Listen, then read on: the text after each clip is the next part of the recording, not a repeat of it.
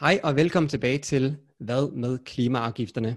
I den her serie så spørger vi en række af Danmarks førende forskere og øh, ledende økonomer øh, og andre eksperter på, på klimaafgiftsområdet om, hvad de mener, øh, vi skal gøre med den her klimaafgift, som vi ved, vi skal have i et eller andet omfang, øh, den her CO2 eller drivhusgasafgift, vi ved, vi skal have i et eller andet omfang, øh, med, når, der, når vi kommer til øh, grønne skattereformsforhandlingerne her i november i hvert fald.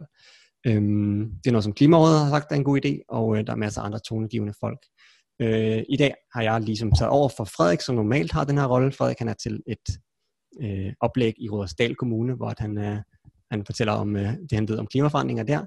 Øhm, så i stedet for, så er jeg Ariel Storm, øh, aktiv i klimabevægelsen, øh, den som ligesom tager rollen i dag. Øh, med os i dag har vi Michael Skov Andersen, som er professor ved Institut for Miljøvidenskab på Aarhus Universitet. Hej Michael. Hej. Og øh, da jeg skrev, øh, du havde lyst til at komme øh, og give dit bidrag hertil, så skrev du, at du lige havde afsluttet en, en stor øh, en international konference. Øh, gå ud fra, at det også var over Zoom ligesom nu. Øh, på, på netop det her område. Kan du fortælle lidt, hvordan det gik, og øh, ja, hvad, I, øh, hvad der egentlig var temaet der? Ja, men altså det var den øh, årlige øh, verdenskonference om grønne afgifter, som øh, i år blev afholdt på Zoom.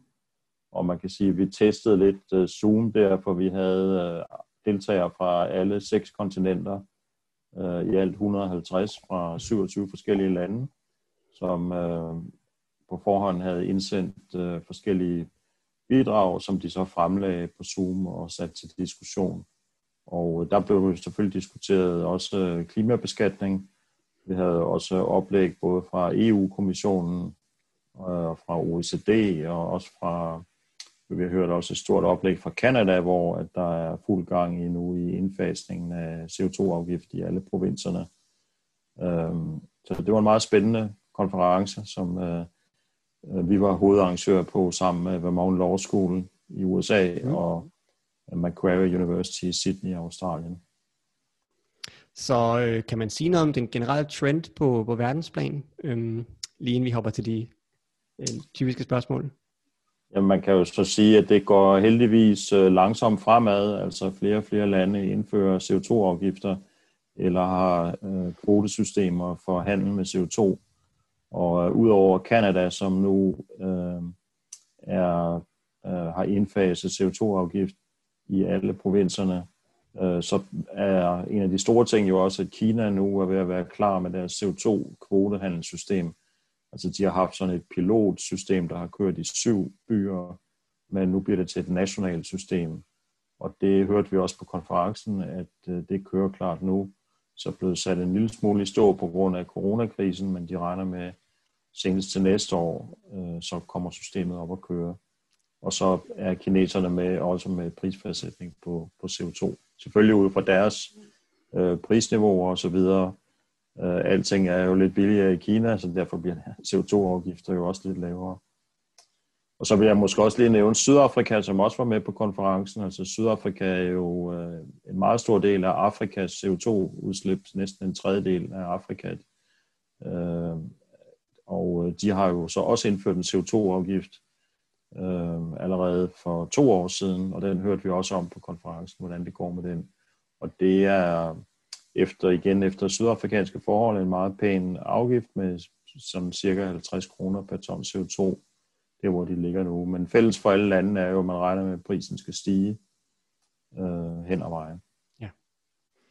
Øh, spændende, og jeg tror måske, vi kommer til at tangere øh, det her med det internationale senere i nogle af spørgsmålene. Øh, men bare lige kort, øh, det er også det, du, du du øh, arbejder med til daglig, ikke? og forsker i til daglig. Det, altså jeg, jeg, blev, øh, jeg, jeg blev tippet om, at øh, vi skulle have fat i dig af en anden øh, økonom, som sagde simpelthen, at du, du er den, der, der vidste nok vidste mest om det øh, her i landet. Øh, så kan du ikke lige bare sådan kort fortælle om, om det, som der er dit kerneområde, det, det som du arbejder med? Jo, altså i virkeligheden arbejder vi ret bredt med miljø og klima, med at prisfastsætte forskellige typer forureninger jeg har blandt andet været primus motor i det her med at regne øh, omkostningerne ud ved luftforurening, altså luftforurening fra fossile brændsler. Fordi udover CO2, så har vi jo også luftforurening med NOx og SO2, og øh, der er nogle sundhedsudgifter forbundet med det. Og øh, der leverer vi de tal, der nu bliver brugt af, af ministerierne i Danmark, når de skal regne på, hvad der kan betale sig. De betyder faktisk en hel del også i klimapolitikken, øh, fordi faktisk er omkostningerne der på kort sigt øh, ret store, og større end det, som øh, vi hidtil har haft i prisfastsættelse på CO2.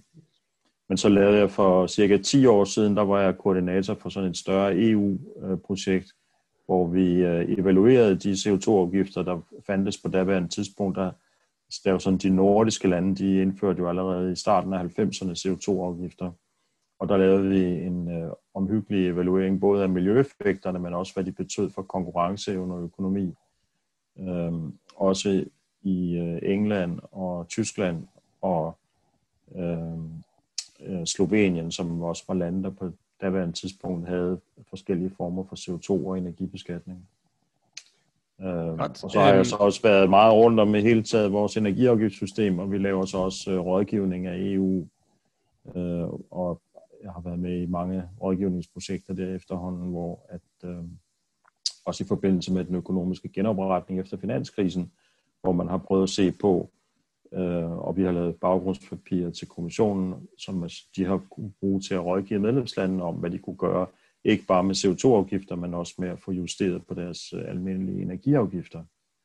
Og en af de ting, det blandt andet var kom ud af det, det var blandt andet Italien, der manglede penge i kassen efter finanskrisen, at øh, vi viste dem, hvordan de kunne justere på deres øh, brændstofafgifter. De satte dieselafgiften op efter de møder, der mm. havde været med dem. Så det er ligesom dine credentials og øh, din, din baggrund med at arbejde med klima- og miljøafgifter i forskellige øh, former. Øhm, og nu skal vi jo snakke om et, konkret en, en drivhusgasafgift eller en CO2-afgift, øh, øh, eller vi kalder det også en klimaafgift. Øhm, men vil du sådan ultra kort, eller så, så, sådan, så kort som du kan gøre det, forklare, hvordan man laver en klimaafgift, og øh, hvad er det, der skal beskattes? Er det produktionen? Er det forbruget? Kan du prøve at gøre det i en, i en kort vending? Ja, men altså, vi har jo allerede en CO2-afgift, og også nogle andre klimaafgifter. Det bliver lidt glemt nogle gange her i debatten. Øh, og den fungerer jo udmærket, og den bliver jo beregnet efter, øh, altså man kender jo for de forskellige brændsler, kul, olie og så videre, så ved man, hvor meget CO2 der kommer ud, når man øh, brænder dem af. Så man behøver ikke at løbe rundt og måle hele tiden. Altså man ved, øh, det er nogle ret faste forhold, der er, og så er afgiften jo sat efter det. Og øh, der er også nogle andre industrigasser, der også har drivhusgaspotentiale, som jo også er beskattet øh, efter, øh, efter samme øh, metode. Så øh, der er jo seks drivhusgasser, øh, alt i alt, og det er jo ikke dem alle sammen, der er beskattet i dag, og særligt, øh, kan man sige, lattergas og metan fra landbruget er jo ikke øh, omfattet i dag. Så man kan vel sige, at det, der er til diskussion nu, det er, er det muligt, at vi øh, dels kan forhøje CO2-afgiften, og er det muligt, at nogle af de drivhusgasser, der endnu ikke er inddraget, de kan blive det fremover. Så øh, når man så designer den her afgift, øh, er det vigtigt, som nogen påpeger, at den er ensartet, eller kan man godt øh, variere den i forskellige sektorer, eller hvordan tænker du, hvad tænker du omkring det? Altså det er jo sådan en god latin blandt øh, økonomer, at afgiftssatsen skal helst være den samme på tværs af alle sektorer. Men det, er jo, det var ikke det, Danmark gjorde i 90'erne, da vi indførte CO2-afgiften. Og der, dengang var situationen jo, at det var kun de nordiske lande, der havde CO2-afgifter, så derfor var vi nødt til at tænke lidt på hensynet til konkurrenceevnen. Men øh, nu hvor vores øh, største samhandelspartnere efterhånden alle sammen har CO2-afgifter, øh, så kan man sige, at det, det fylder mindre. Men altså, det vil nok stadigvæk være sådan, at man er nødt til at graduere tingene lidt, og der er jeg ikke sådan måske helt så katolsk, som nogle af de mere hardcore økonomer, som du har talt med, forstået på den måde, at, at jeg tror, det vil være naturligt, at man graduerer tingene lidt, men altså også samtidig, at der skal være en sigtelinje, sådan så at vi, uh, når vi kommer længere hen, uh, omkring 2030 eller senere, at vi så øh, får udlignet forskellen og får den samme pris på de forskellige drivhuskasser. Ja. Men vi er nødt til at starte lidt blødt. Ja, okay. Øh, og det er også lidt øh, det, som Klimarådet der har lagt op til i deres øh, forslag. Så, så, men, men hvis du nu skulle give et bud på, hvad du tænker, øh, hvor høj skal den her driv, klimaafgift øh, eller drivhusgasafgift være i, i 2030, som er det her tal, man normalt bruger som mål for, øh, for den, det, vi laver nu? Øh, og hvorfor skal det være på det niveau, du tænker? Ja, jeg ved ikke, om jeg har nogen helt øh, præcis øh, melding på det. Altså Klimarådet har været ude med de 1.500 kroner per ton CO2, som jo er en meget høj afgift. Øhm, og øhm, jeg tror, det er vigtigt, det er, at vi ligesom gradvist, altså vi signalerer, at afgiften kommer til at stige, og den stiger gradvist hen mod 2030, men om den virkelig skal helt op på 1.500 kroner, eller måske 800-900 kroner, øh, vil være nok. Det kommer jo også lidt an på, hvordan teknologien den udvikler sig i de år, øh, der er imellem. Men det er meget vigtigt, at vi giver det her signal til markedet og også til dem, der sidder med de grønne teknologier, om at afgiften kommer til at stige gradvist. Vi har jo også et andet projekt her fra Nordisk Råd, der har vi interviewet en hel masse indehaver af patenter til grønne teknologier. Og der er selvfølgelig mange forklaringer på, hvorfor det er svært at få de grønne teknologier ud på markedet. Men en af dem, der går igen i rigtig mange af de svar, vi har fået, det er, at der mangler en pris på CO2.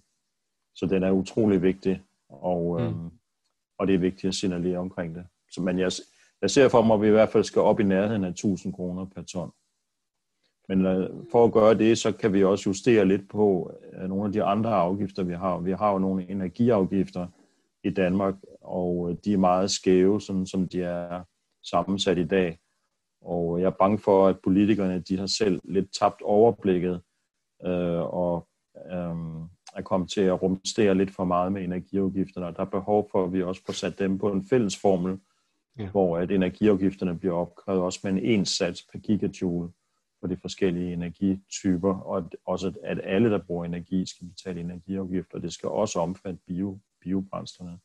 Og hvis vi gør det, så kan vi ligesom flytte vægten lidt, altså i takt med, at vi hæver CO2-afgiften, så kan vi godt sænke lidt på nogle af energiafgifterne. Og derfor øh, tror jeg ikke, at det måske bliver så øh, voldsom en byrde, øh, men vi får mere de rigtige signaler ind i vores CO2- og energiafgiftssystem, og det har vi rigtig meget behov for. Mm. Jeg tænker, du nævner, at det her omkring 1000 kroner vil være nok være en bund, der giver, altså som, som det vil nok være, det kan jo ikke være mindre end det, og så stadig øh, sætte os på ret kurs imod for eksempel de 70% øh, reduktion i 2030. Øhm, men hvad, hvad tænker du, hvad, hvad sker der, hvis klimaafgiften bliver sat højere end dit ønskede niveau, eller højere end, øh, end, end 1500, som Klimarådet øh, har anbefalet, eller bliver sat alt for lavt, for eksempel lavere end de 1000, som du, som du nævner?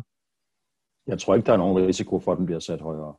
Nej, ikke politisk, men, men hvad, vil, hvad vil konsekvenserne være af, af det? Sådan, øh, øh, rent, ja, det, er jo, det synes jeg, altså, det, det er svært at sige, men det er klart, der vil være nogle virksomheder, som vil få meget store problemer med konkurrenceevnen. Ikke? Men hvis vi for eksempel siger, at vi i hvert fald med sikkerhed skal op på 1000 kroner øh, inden år 2030, og vi i øjeblikket har en CO2-afgift på cirka 200 kroner per ton, så kan det jo ske ved, at vi hæver den med 100 kroner hvert år. Øh, og siger, og politikerne også signalerer, at det er det, vi gør i de kommende 10 år. Og så vil vi allerede i 2028 være kommet op på 1000 kroner. Og så kan vi jo så se, om det er nødvendigt at gå videre efter det, eller om teknologien i mellemtiden måske har givet os nogle, øh, nogle nye øh, udviklinger, som, som gør, at det ikke bliver nødvendigt. Øh, hvis den bliver lavere, øh, jamen, så er jeg meget bange for, at vi ikke når 70% målet. Det, mm. det er helt tydeligt. Der kan selvfølgelig være nogle sektorer, hvor den skal være lavere, og landbruget er stadigvæk en sektor, som er, er meget svær at have med at gøre, men der er også sådan en berøringsangst over for landbruget, og når vi nu for eksempel snakker om landbrugets lattergas, altså det er jo noget, der meget kommer fra brug af kunstgødning. Og øh, der er faktisk nogle store muligheder der for at holde op med at bruge kunstgødning og udnytte den husdyrgødning, som vi har så rigeligt af, mm. øh, og bruge den øh, væsentligt mere effektivt. Så derfor tror jeg, det er vigtigt ikke at undtage landbruget, men at der også skal være nogle prissignaler på landbrugets mm. område. Det er det her med det ensartede. Øhm, jeg tænker så, hvis vi går videre til, til, du nævnte kort det her med virksomheder, der bliver udsat. Hvordan vil du karakterisere øhm, risikoen for lækage? Fordi det er noget som det, som der ofte øh, bliver snakket om. Der bliver snakket om de her meget øhm, udsatte virksomheder, der vil blive, øh, hvor, hvor det er et problem. Øh, jeg tror, det kongeeksemplet, eller det, det, det eksempel bliver brugt oftest, det er jo Aalborg Port, Portland, øh, cementproducenten. Øh, øh, er, er, der, er der muligheder for at løse det her, eller hvordan skal vi tolke den her risiko for lækage? Altså, der er selvfølgelig øh, nogle meget udsatte sektorer, og så, men der er, og så er meget forskellige vurderinger af det her med, altså hvis man går ned i litteraturen, ikke, så er der lavet mange studier, hvor man har prøvet at regne på den her lækage. Og der er mange faktorer, der spiller ind. Altså det er ikke kun prisen på produkterne, det er også øh, spørgsmålet om, hvad er det for nogle markeder? Er det mest hjemmemarkedsorienteret, eller er de også eksportorienteret? Hvad er ratioen mellem vægt og pris på produktet? Kan det bare transporteres hvor som helst hen? Eller, øhm, der er en masse ting der, der, der faktisk begrænser lækagen.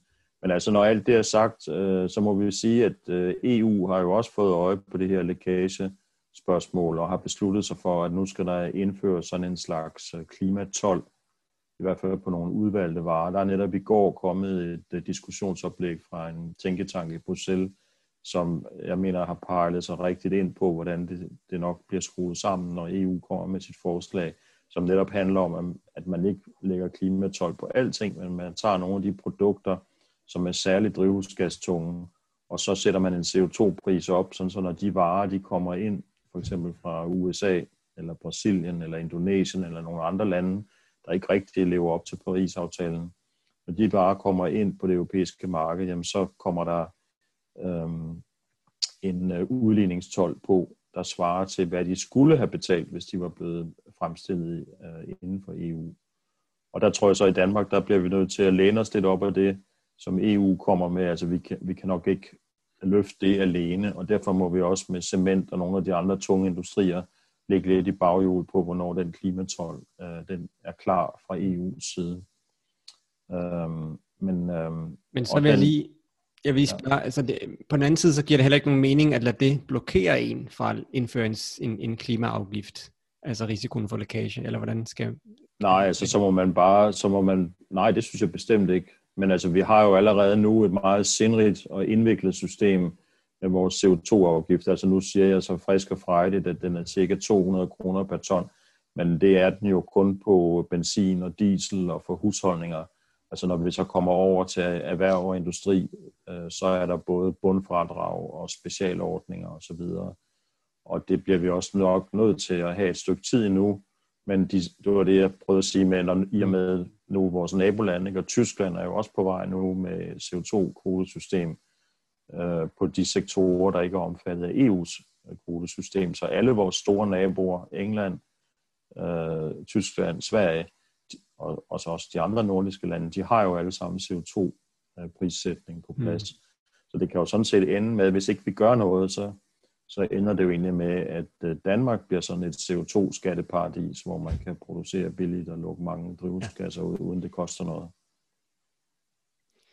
Tænker du, at der er steder, hvor uh, i stedet for at vi regulerer det igennem um, en, en afgift, uh, at vi så simpelthen uh, laver uh, forbud, um, altså i nogle sektorer, uh, at, at det vil give bedre mening at lave det, end at lave en klimaafgift? Ja, det kunne det godt med nogle af de meget potente uh, drivhusgasser. Der findes jo også nogle forbud. Uh, jeg er ikke så teknisk inde i alt det der, men der er nogle HFC-gasser blandt andet, der er blevet forbudt. Mm. Så der kunne man helt klart godt forbyde det.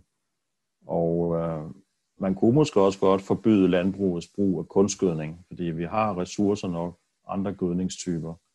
Så det kunne være en mulig kandidat. Der er faktisk meget stor øh, drivhusgasudslip knyttet til brug af kvælstof i kunstgødning. Det er næsten 10 kilo drivhusgasser for hvert kilo kvælstof. Og det er jo så halvdelen af det fra marken som lattergas, men den anden halvdel i de lande, hvor det fremstiller kunstgødningen. Så det er en ekstremt energikrævende form mm. for gødning. Og øh, når man kigger på, hvor meget husdyrgødning vi har her i landet, så, og andre gødningstyper, så kan vi faktisk godt undvære kunstgødningen. Mm. Okay. Omvendt så vil jeg så spørge, om der så er steder, hvor at, øhm, man, man kunne overveje at give støtte, øh, i stedet for bare at lade markedet øh, og, og hvad skal man sige, te- teknologien øh, igennem markedet komme med de løsningerne. Øh, altså skal man også gå ind og give støtte på nogen, i nogle sektorer eller nogle områder eller ved nogen, i nogle problems, problemer? Hvad tænker du om det? Ja, det skal, man, det skal man jo helt sikkert gøre med nogle af de nye teknologier. Øhm, og det kan man sige historisk, det har vi jo så også gjort både med vindenergi og biogas. Og der kunne også godt være andre teknologier, som, øhm, øh, som kunne være støtteværdige.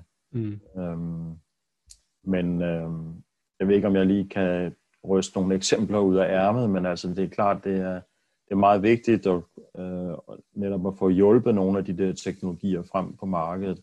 Og der er rigtig mange teknologier, de øh, findes måske i laboratoriet, eller de findes øh, i lille pilotskala, men de skal, de skal ligesom gennem den der dødens dal, inden de bliver opskaleret på markedet. Og ja. der er der altså behov for noget offentlig støtte. Altså vi kan sammenligne det med dengang, vi fik øh, ændret vores fjernsyn fra de gamle tunge apparater til fladskærms-tv. Øh, I starten var de jo vanvittigt dyre, øh, men lige pludselig, da de blev skaleret op, så faldt prisen. Og det er også den måde, nogle af de klimavenlige teknologier, øh, de, deres priser vil også falde. Det ser vi for eksempel med elbilerne. Og, det, og der kan der altså, fordi det skal gå stærkt her, for vi har ikke så meget tid tilbage, så kan der altså være behov for øh, i en overgang at give enten tilskud eller måske nogle billige finansieringsmuligheder. Godt. Så øh, nu har vi snakket om øh, den ene side af det her. Den anden øh, detalje, det er jo, at man ved klimaafgifter genererer et proveny. Øhm, hvor mange milliarder vil det så være i, i, den, i det her, den her afgiftstilfælde? Selvfølgelig vil provenyet falde i takt med, at folk stopper med at øh, øh bruge drivhusgasser. Men, øh, men det her proveny, altså har du nogen holdning at til det skal bruges, hvad, til, til det skal bruges for noget bestemt, eller skal det bare ind i din generelle, øh, skal det bare dedikeres til de generelle samfundsprioriteter? Hvad tænker du? Igen kan man sige, det er jo god latin blandt økonomer at sige, at det ikke må blive øremærket. Ja. Og igen er jeg lidt øh, ved siden af, fordi jeg mener, at vi havde gode, rigtig gode erfaringer i Danmark med, øh, da vi startede med vores CO2-afgift, at vi tog en femtedel af provenyet øh, og brugte det netop som tilskud og til at øh, sende rådgivere ind på virksomhederne til at hjælpe dem med at få skåret ned på deres energiforbrug og få det tilrettelagt mere effektivt. Der var faktisk mange virksomheder, der kunne skære rigtig meget ned på deres energiforbrug dengang. Nogle kunne skære helt op til 50 procent fra på energiforbruget, når de fik besøg af nogle energirådgiver, der havde forstand på tingene. Og der skal vi huske på, at Danmark har mange mellemstore virksomheder, og virksomhederne, de har selvfølgelig også i et vist omfang fokus på deres energiforbrug, men det vigtigste for dem, det er jo at udvikle deres produkter og bringe dem ud til markedet. Og derfor kan de godt have brug for noget input. Så derfor synes jeg, at det vil være fornuftigt at, at øremærke nogle af pengene her, øh, netop til rådgivning og til at hjælpe med, med omstillingen. Det er ikke sikkert, at det skal blive ved med at være sådan i al evighed, men øh, i hvert fald de første fem år, måske også 10 år, bør man, bør man øremærke nogle af pengene til, men ellers så kan de jo så gå til at nedsætte andre skatter. Øhm, jeg snakker om, at man kunne skifte byrden lidt væk fra energiafgifter over til CO2-afgifter, sådan så at det netop bliver kul og olie der, øh, og gas, der mærker øh, afgiftsbyrden. Mm. Men vi har også den mulighed simpelthen at nedsætte nogle af vores almindelige skatter, og det var jo også det, man gjorde med 90'ernes øh, grønne skattereformer, at man, øh, man nedsatte øh, øh skatten på indkomst øh, og var faktisk med til at sænke nogle af de meget høje marginalafgifter, som, eller marginalskatter, som vi havde øh, på løn dengang i Danmark. Mm. Men jeg, øh, nu spørger jeg bare en konkret til, øh, til en idé, der er opstået, som, ja, inden jeg siger, hvad, hvad vi mener i klimabevægelsen, så vil jeg høre din mening, men det er, at øh, Dansk Erhverv mener, at man skal bruge dem på selskabsskattelettelser. Øh, hvad, hvad tænker du om det? Er, det? er det en god måde at bruge på noget? Det kunne man jo også godt gøre, og, øh, men det er, bliver jo lidt mere politisk, når vi begynder at snakke om, hvad er det for nogle skatter, vi gerne vil af med. Og det er der mange meninger om. Uh, nu sagde jeg før, at det blev brugt til at sætte skatter ned på løn, men det blev mm. faktisk også brugt til at sænke nogle arbejdsgiverafgifter. Ja. Jeg tror faktisk, man delte det cirka 50-50 dengang i 90'erne, og det, mm. hvis vi kigger på andre lande, hvad de har gjort, så er det uh, lidt tilsvarende. Men altså, når jeg taler for den der øremærkning, så er det også netop ud fra vores analyse, hvor vi sammenlignede med Sverige og andre lande, hvor man ikke havde øremærket nogle af pengene. Og der kan vi se, at vi fik meget mere CO2-reduktion på pengene i Danmark, end man fik i de andre lande, fordi vi faktisk øremærkede en femtedel af pengene til at, at, at lave noget rådgivning og noget medfinansiering. Øhm, slutlig vil det så give mening at øremærke nogle af de her penge, eller nogle af det, noget af det her proveny, øhm, til øh, at simpelthen give tilbage til borgerne, for eksempel i form af den grønne check, som vi har, altså gør, simpelthen gør den større på baggrund af det? Altså den grønne check, det er jo en, man giver for ligesom at udligne, øh, så de laveste indkomster ikke bliver ramt for hårdt. Mm. Og, øh, og det er man selvfølgelig nødt til at gøre, så det, det skal man også bruge en del af provenyet til. Ja. Men, øh, men det, er, det er faktisk ret overkommeligt øh, at lave de øh, grønne checks, så det vil ikke sluge nogen stor del af provenyet. Okay. Det er jo sådan, at øh, altså de, de laveste indkomstgrupper bruger selvfølgelig mere af deres øh, rådighedsbeløb på varme og el, men til gengæld så bruger de højeste indkomstgrupper, de bruger jo mest på transport og store biler osv. Um, så det er ikke sådan, at CO2-afgift partout uh, vender den tunge en voldsomt nedad. Altså den minder nok lidt om momsen. Uh, så den er lidt uh, skæv, og det kan man så udligne ved at, okay. at regulere på den grønne check. Der har jeg så desværre noteret mig, at dansk industri, de vil gerne have afskaffet den grønne check. Det synes jeg er en rigtig dårlig idé. Ja. Øhm, ja, det gør vi egentlig nok også i, øh, i klimabevægelsen. Der mener, vi mener jo, at øh, man skal have en eller anden form for tax and dividend model, ikke? hvor at, øh, man, man simpelthen også, også af politiske grunde øh, skal sørge for, at, at øh, en del af provenyet går tilbage til, til dem, som bliver ramt hårdest. Øhm, men så nu har vi snakket lidt omkring de forskellige aspekter. Øhm, så hvordan, og det er faktisk lidt det, du allerede har kommet ind på.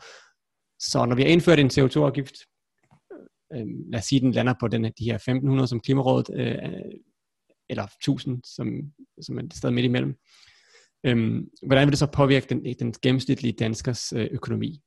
Hvis du, kan, kan, kan du prøve at give et kort, kort billede på det, så vi ligesom kan opsummere?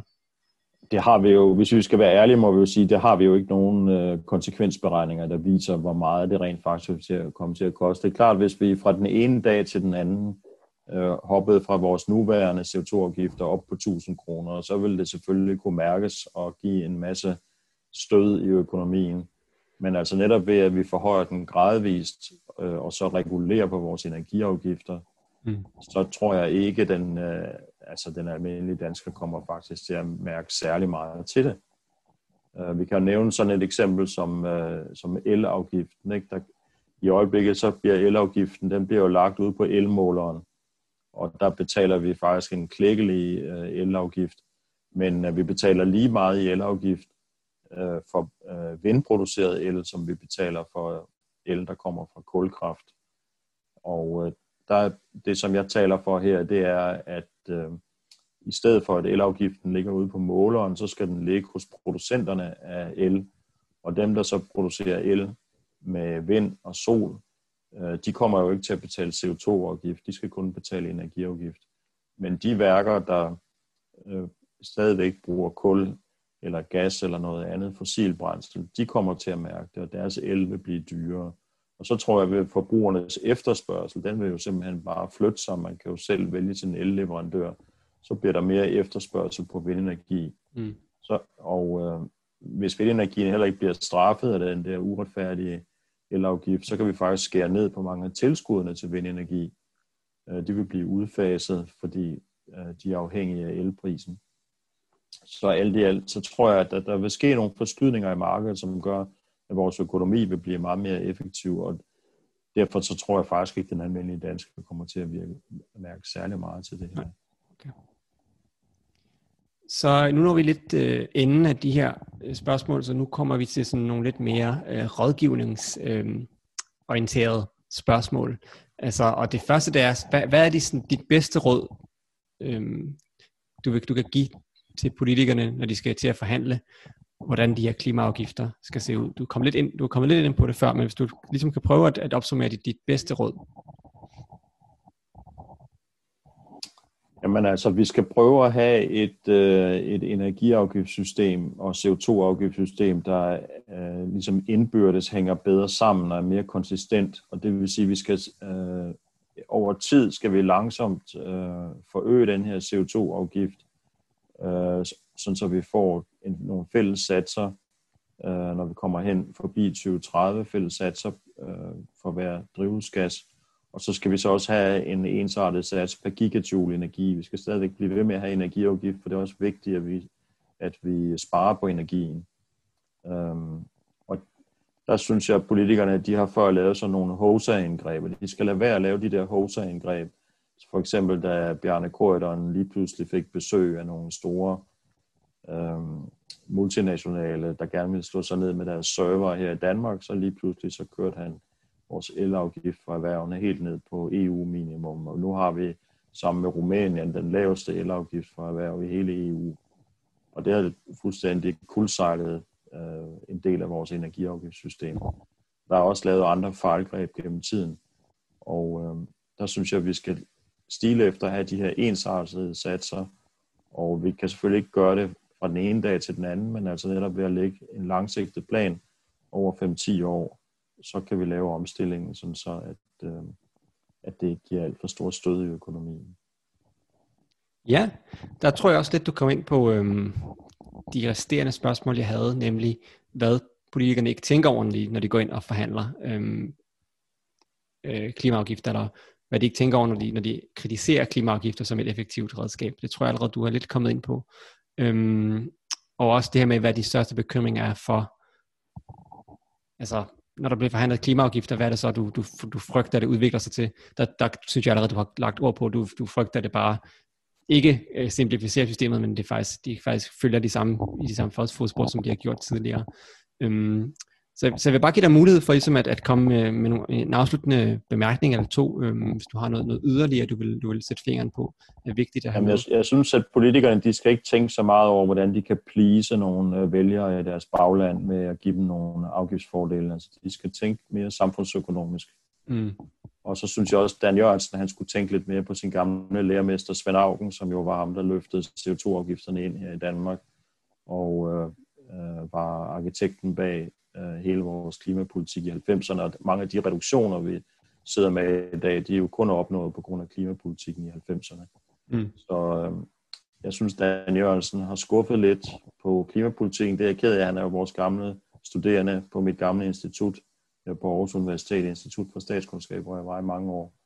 Og jeg troede egentlig, han ville have lagt sig lidt tættere op af, af Svend Augens linje. Men man kan sige, at der er tid til at fikse det nu, fordi at øhm, efteråret byder på en masse forhandlinger på mange områder, på landbrug, på transport, og så selvfølgelig også på klimaafgiftsområdet. Øhm, så man kan sige, at der er jo tid til, at han, øh, han retter op på det. Han får i hvert fald muligheden for, for det her i de kommende måneder, men altså tiden på de her klimaspørgsmål, det er ikke den, vi har mest af. Vi har spildt Nej. rigtig meget tid, desværre. Ja. Er der nogen afsluttende bemærkning, du har, Michael? Øhm... Nej, jeg vil bare sige tak for henvendelsen, og lyset her undervejs blev lidt mærkeligt, for det blev ja. pludselig mørkt udenfor, men jeg håber, at lyden i hvert fald blev god. Det tror jeg, den blev. øh, det, det tror jeg, den blev. Øh, jamen, tusind tak, fordi du vil deltage, og tak til alle lytterne til det her afsnit af Hvad med klimaafgifterne?